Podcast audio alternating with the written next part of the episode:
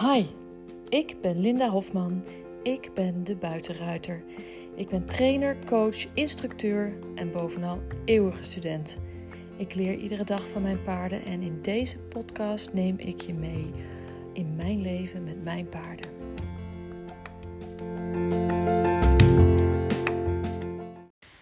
Goedemorgen. Ik wilde eigenlijk uh, de deur uitgaan en in de auto een uh, podcastaflevering opnemen. Maar omdat de laatste aantal afleveringen steeds zo uh, slechte geluidskwaliteit hadden in de auto, door al mijn sjaals en jassen en haren en alles wat over die microfoontjes van die oortjes heen schuift, dacht ik, nou ja, weet je wat, Lin, je hebt nog een kwartiertje voordat je echt weg moet. Neem hem dan even thuis op en dan, dan, dan kun je gewoon zelf naar een aflevering van iemand anders luisteren in de auto. Dus ook lekker. Ik luister namelijk zelf heel veel podcastafleveringen in de auto. Dus ik heb mijn jas al aan. Als je denkt, dat hoor ik nou kraken en schuren. Dat is mijn jas. Want ik was eigenlijk al klaar om naar buiten te gaan. Um, een onderwerp dat ik vandaag uh, wil aanhalen is iets wat ik al meerdere keren uh, iets over gezegd heb ik denk ook al eerder een, een podcastaflevering over opgenomen heb. Maar het is iets ehm, wat me heel erg opvalt. Ehm, zodra wij uh, in de Engelse dressuur rijden, dan rijden we allemaal netjes met onze handen bij elkaar en de teugels uh, met lichtcontact of iets meer dan lichtcontact.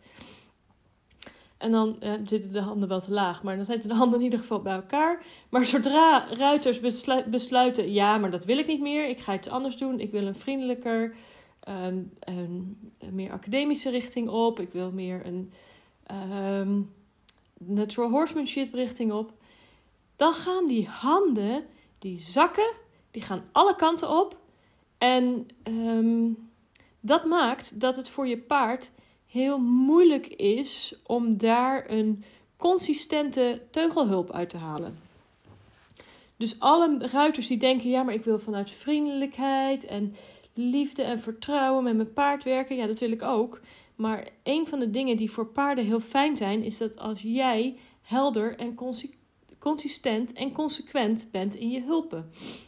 En dat betekent dat je handen bij elkaar moet houden ter hoogte van je navel. Dus niet ergens op je bovenbenen. Niet er, en, de teugels die moeten gewoon langs de hals liggen.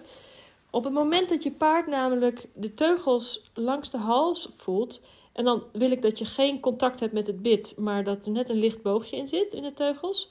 Maar die teugels die moeten wel langs de hals liggen, omdat daarmee uh, je een begrenzing geeft.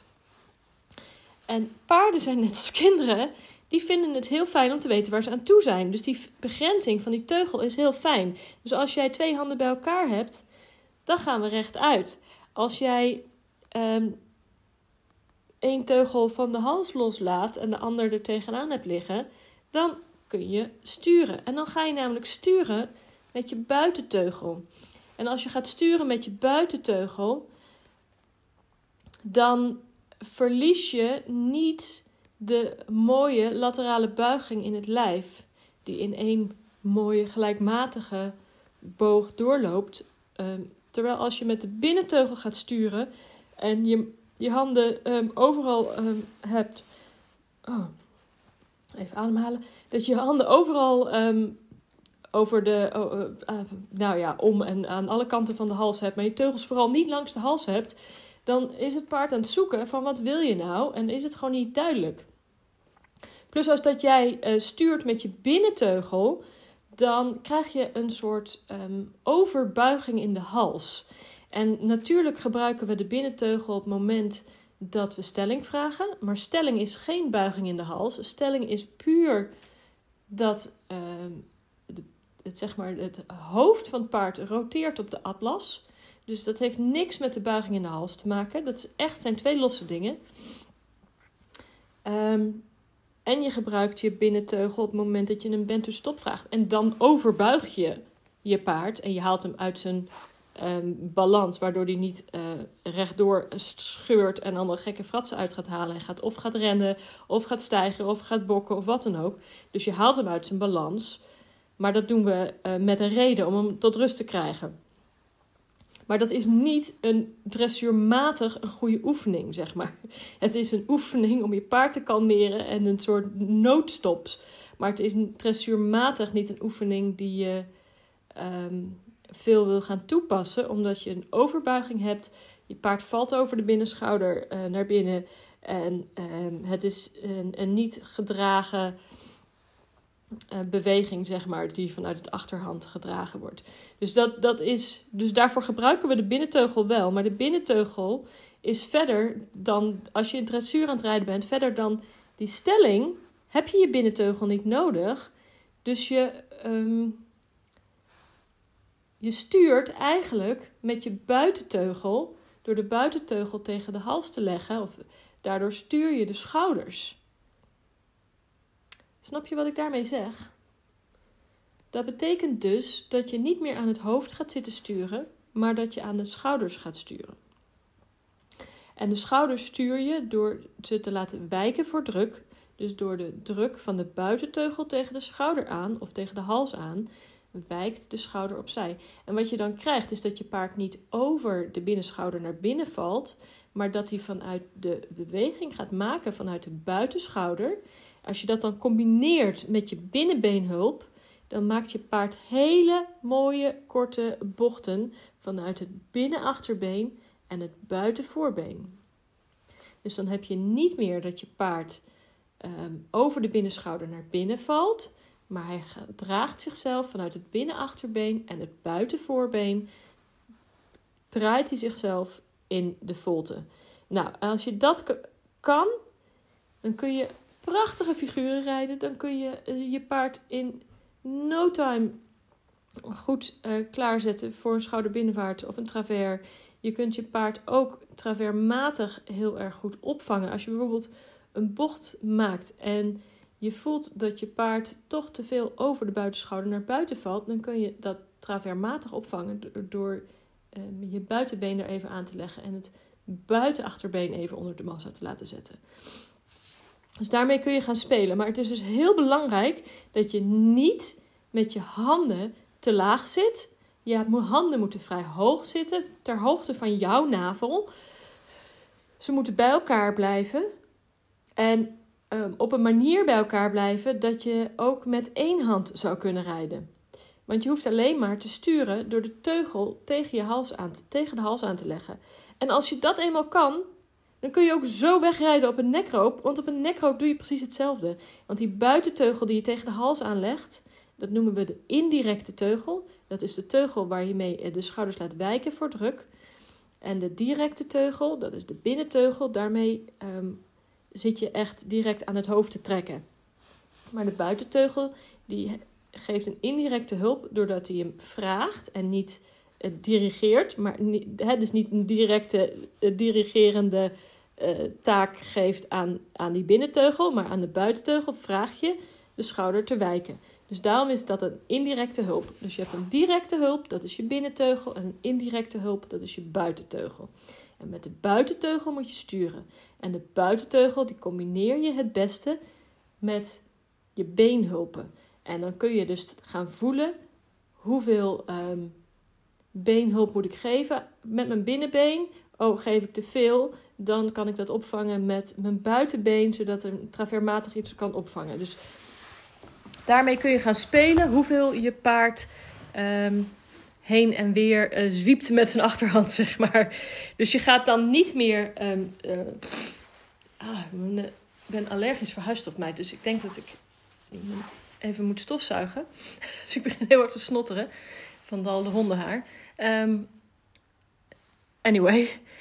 Um, wat ik wou zeggen is dus op het moment dat je gaat sturen op die manier en niet meer vanuit de uh, binnenteugel stuurt, maar met de buitenteugel stuurt en met je binnenachterbeen, dan ga je namelijk niet meer uh, draaien uh, um, om de voorbenen heen of over de voorbenen heen vallend draaien.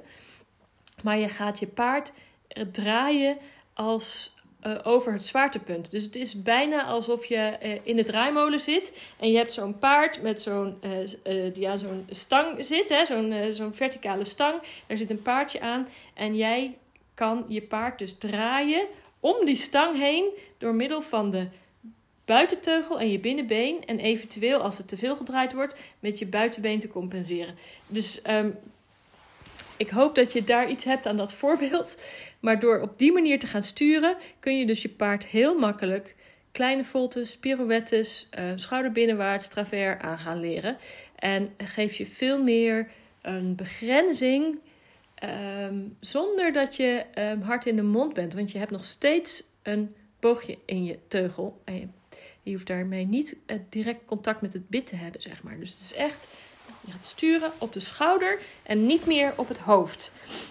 Op de schouder en op het uh, binnenachterbeen. En dan gaat jouw paard draaien om die mooie as van die draaimolen.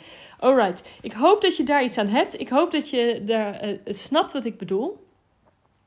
Ik um, ga eens eventjes nadenken of ik dit kan uittekenen. En misschien ga ik het wel aan Sabine voorleggen. Dat, je, um, uh, dat ik haar vraag om uh, iets uit te tekenen. nou, anyway, Sabine is mijn grafische vormgever, hè, voor degenen die dat weten. Um, nou, Anyway, ik, ik kom hier misschien nog wel op terug, want opeens krijg ik allemaal beeldende ideeën hiervoor. Zo gaat dat. Ik ga deze podcastaflevering online zetten. Dit is aflevering nummer 140. De eerste 100 gingen natuurlijk razendsnel, omdat ik er iedere dag één opnam. En nu merk ik dat het wat um, minder snel gaat. Maar ik, ik vind 140 afleveringen, wauw, het zijn gewoon hartstikke veel al. En er is echt een hoop terug te luisteren voor jullie als je het leuk vindt. Um, ja, wat kan ik verder nog tegen je zeggen? Kijk eventjes uh, naar mijn uh, online training. Als je dit nou een interessante podcast vindt en meerdere afleveringen luistert en je vindt dat interessant en je leert er wat van, kijk dan eens of mijn online training wat voor jou is. Want dan leg ik je dezelfde dingen uit, maar dan met mijn paarden erbij en met videobeeld en met nog meer uitleg en in mijn masterclasses ook. Dus als, um, als je um, hier wat aan hebt, dan is die online training misschien ook wat voor jou. Hij is uh, niet zo duur, hij is maar 88 euro, is een eenmalige uitgave. En dan krijg je gewoon onbeperkt toegang tot al die video's. En het zijn er nogal wat en er worden er alleen maar meer. Dus ga lekker kijken als je dat interessant vindt. Alright, uh, dit was het voor vandaag. Dames, ik wens jullie een hele fijne dag. Ik ga op pad. Doeg!